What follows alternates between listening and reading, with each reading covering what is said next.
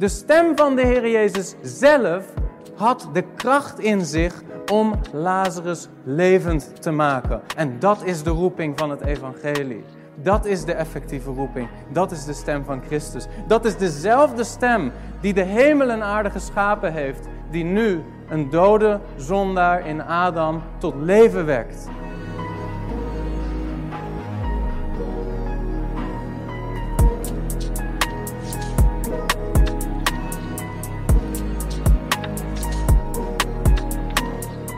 Maar u hebt Christus zo niet leren kennen als u Hem tenminste gehoord hebt en door Hem bent onderwezen zoals de waarheid in Jezus is. Wanneer Paulus deze woorden spreekt of schrijft, dan spreekt hij over iets wat in de levens van de mensen aan wie de Efezebrief geschreven is, wat eenmalig heeft plaatsgevonden in hun leven. Dat is wat de werkwoordsvorm leren kennen in dit geval aangeeft. Het is een eenmalig in het verleden gebeurd iets. Christus leren kennen. Het gaat daar over wedergeboorte. Het gaat daar over de levendmakende roeping van Christus. Want Paulus zegt erachteraan in vers 21, als u hem tenminste gehoord hebt. In sommige vertalingen daar staat er, als u over hem gehoord hebt. Maar dat is niet wat hier staat in het Grieks. Wat er staat is, als u Hem gehoord hebt. Het verbindt hier met wat er staat in Efeze 4, vers 1, namelijk dat je geroepen bent met een roeping. In het Grieks kaleo, roepen, waar ook het woord ecclesia van afgeleid wordt. Zij die ergens uitgeroepen zijn.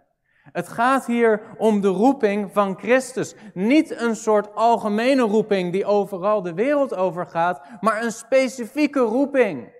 Niet dat je geroepen bent door broeder Jelle of door broeder Chris, maar dat de stem van de Heer Jezus Christus zelf jou geroepen heeft. Dat is wat Paulus hier zegt. Als u hem tenminste gehoord hebt en door hem bent onderwezen zoals de waarheid in Jezus is. Het gaat over de levendmakende roeping van Christus. De roeping waar de Heer Jezus ook over spreekt wanneer hij zegt in Johannes hoofdstuk 10, vers 27. Mijn schapen horen mijn stem. En ik ken ze en ze volgen mij. En ik geef hun eeuwig leven en ze zullen beslist niet verloren gaan in eeuwigheid en niemand zal ze uit mijn hand rukken. Dat is de roeping waar het hier over gaat. En daarom zegt Paulus, als u hem tenminste gehoord heeft. Hij gaat er niet van uit dat iedereen die roeping heeft gehoord, maar hij adresseert zijn brief wel aan die mensen. Als u hem tenminste gehoord hebt.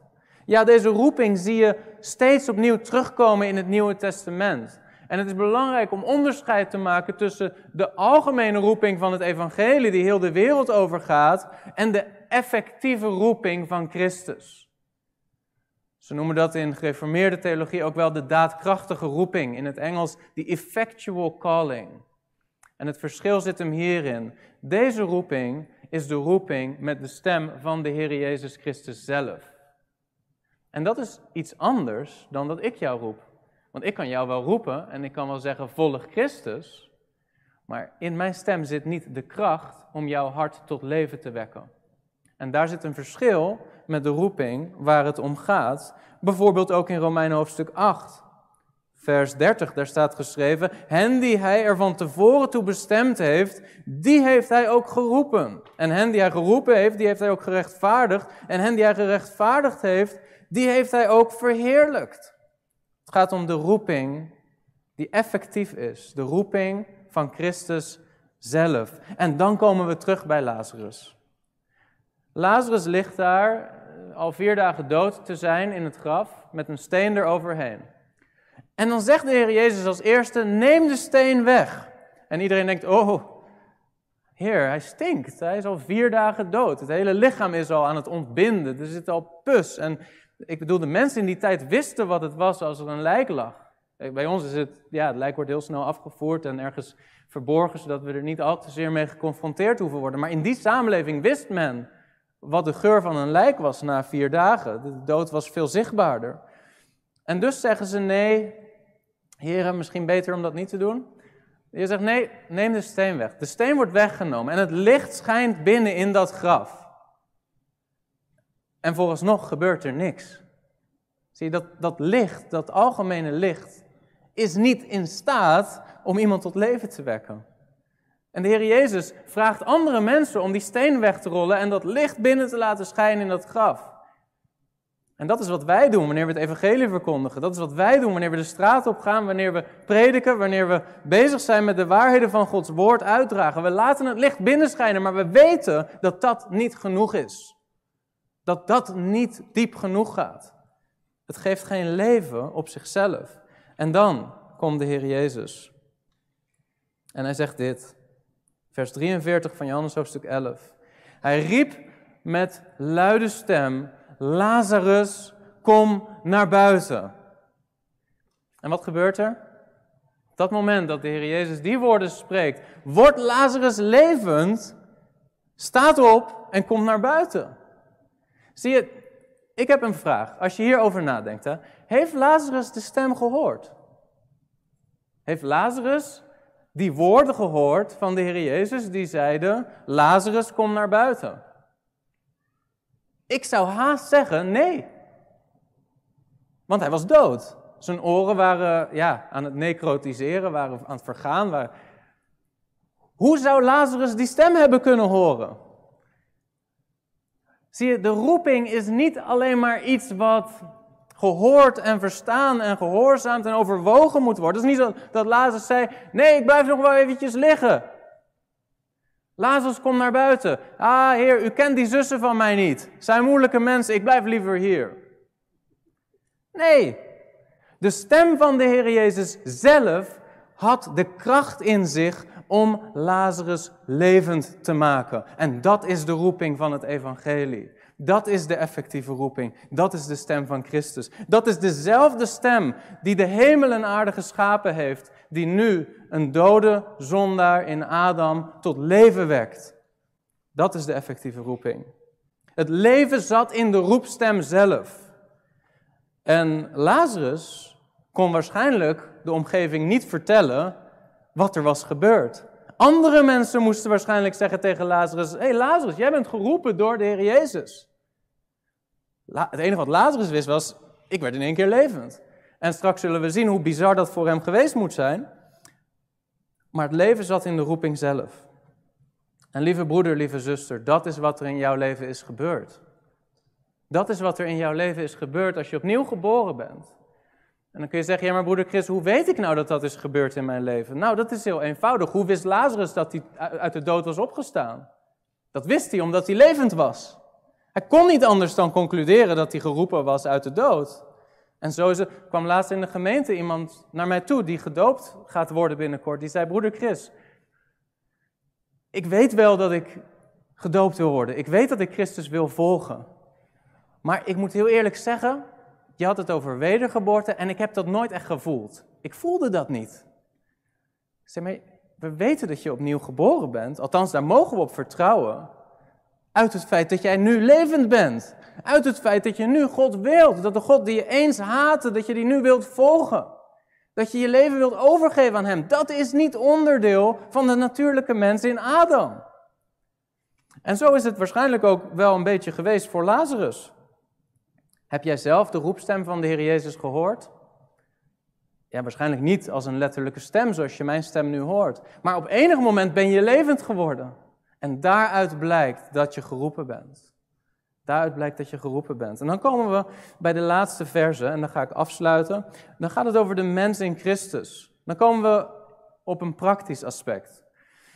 Vers 22 tot 24. Namelijk dat u, wat betreft de vroegere levenswandel, de oude mens aflegt die te gronden gaat door de misleidende begeerte. En dat u vernieuwd wordt in de geest van uw denken en u bekleedt met de nieuwe mens die overeenkomstig het beeld van God geschapen is in ware rechtvaardigheid en heiligheid.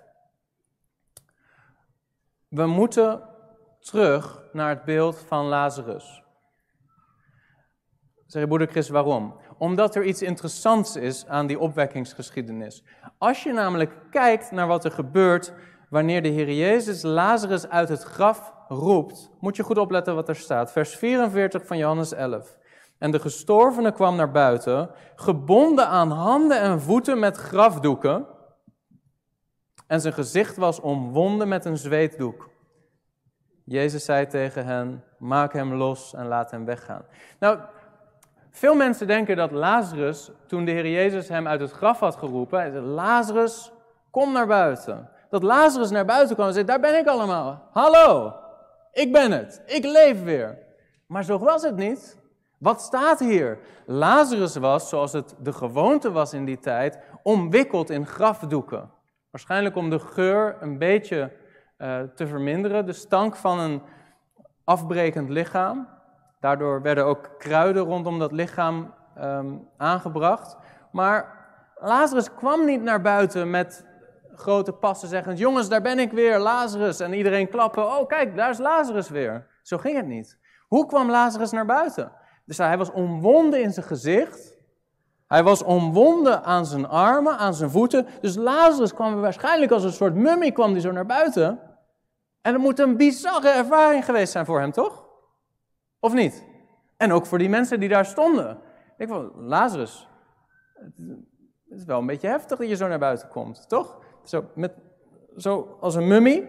Lazarus weet niet wat er gebeurt. Mensen weten niet wat er gebeurt. Iedereen is waarschijnlijk bang. En dat is waarschijnlijk ook waarom de Heer Jezus moet zeggen: jongens, haal hem even uit die doeken.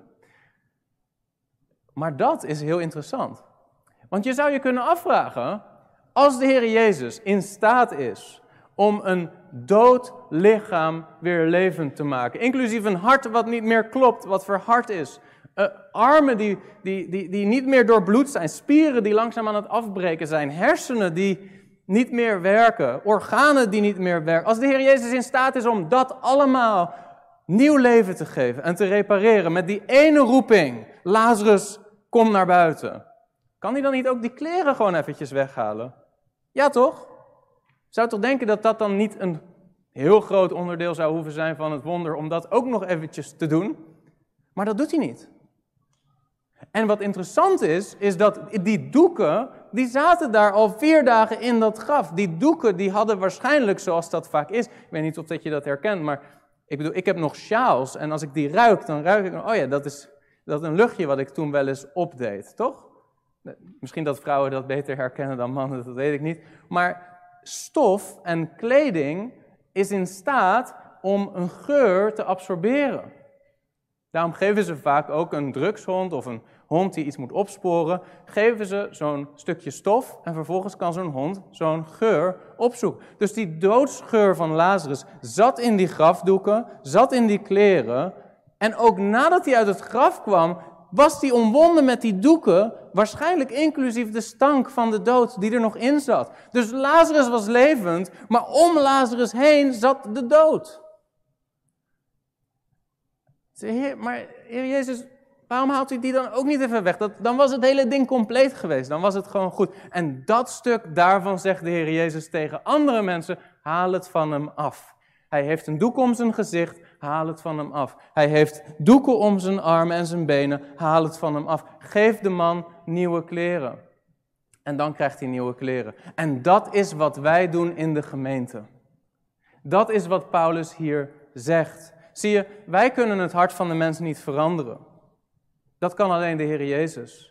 En hij gebruikt de prediking van het evangelie om geestelijk dode mensen tot leven te wekken en een nieuw hart te geven. Maar wat je ziet vervolgens is dat die nieuwe, wedergeboren mens nog omwikkeld is met zijn oude kleren. Wat bedoel ik daarmee? Zijn hart is vernieuwd, maar die andere twee aspecten waar we het over hebben gehad, zijn denken en zijn gedrag, bevatten nog steeds die oude patronen. En dat is wat Paulus hier zegt. Paulus zegt hier, wat betreft de vroegere levenswandel, moet u de oude mens afleggen die te gronde gaat door de misleidende begeerte. Je moet vernieuwd worden in de geest van je denken en bekleed worden met de nieuwe mens die overeenkomstig het beeld van God geschapen is in ware rechtvaardigheid en heiligheid. Dat is in feite hetzelfde als wat de Heer Jezus zegt over die doeken van Lazarus die weggehaald moeten worden. Maar wie haalt ze weg? De mensen. Jij bent zelf verantwoordelijk als wedergeboren christen om jouw gedachten te vernieuwen door bezig te zijn met de dingen van God en met zijn woord. Om zo jouw denken te vernieuwen, om God beter te leren kennen en te begrijpen wat hij van jou vraagt als het gaat om de gemeente, als het gaat om je huwelijk, als het gaat om je persoonlijke wandel, als het gaat om je werk, de manier waarop je ouder bent. Dat is de verantwoordelijkheid die Christus jou geeft nadat hij jou een nieuw hart heeft gegeven. En de opdracht is, je bent nieuw geworden, ga nu wandelen vanuit die nieuwe, vanuit dat nieuwe hart. Dat is de opdracht van de christen en dat is discipelschap. Discipelschap is het denken en het gedrag steeds meer conformeren aan de opdracht van de Heer Jezus Christus. Het hart kan alleen God veranderen. Maar het denken en het gedrag, daar hebben wij een taak in. En lieve mensen, ik wil er nog één gedachte aan toevoegen en dan sluit ik daarmee af. Maar dat is de taak van de gemeente. Dat is wat wij samen doen. Als ik in mijn gemeente iemand zie die net opnieuw geboren is, en ik zie vervolgens dat er nog zoveel denkpatronen zijn die echt zijn van zijn oude leven. En zoveel gedragspatronen waarvan ik denk, man, waar moet ik beginnen met deze persoon? Sowieso was ik precies zo. Hè? Dus dat helpt al een beetje om zo te denken van ja, ik was ook zo'n zondaar en ik ben waarschijnlijk op vele vlakken nog steeds zo. Ik heb ook nog bepaalde doeken van mijn oude leven die ik moet afschudden. Maar de Heer Jezus gaf omstanders de opdracht om naar Lazarus te gaan en die doeken van hem af te halen. Zou jij het gedaan hebben? Die door pus geïnvesteerde doeken van Lazarus zijn lichaam afhalen? Waarschijnlijk zou je zeggen, oké, ik ga het wel eventjes doen. Hops, op een afstand, maar ah man. Maar dat is de opdracht die wij hebben in de gemeente. Wij moeten elkaar helpen om in ons denken en in ons gedrag vernieuwd te worden, zoals ons hart al reeds vernieuwd is. Ik hoop dat dit je helpt. Ik hoop dat dit je ook helpt om het verschil te zien tussen rechtvaardiging en heiliging. Want dat stuk is heiliging in het praktisch leven. Dat betekent niet dat je niet al reeds opnieuw geboren bent en al gerechtvaardigd bent en al rechtvaardig staat voor God, omkleed in de gerechtigheid van Christus. Maar waar we het nu over hebben is je praktische dag tot dag wandel. En de Heere God zegt, volg mij en leef vanuit dat nieuwe hart. Je bent anders en dus moet je ook anders denken en anders wandelen. Heb je iets gehad aan deze video? Druk dan op like en wil je vaker dit soort apologetische video's zien? Abonneer je dan op dit kanaal.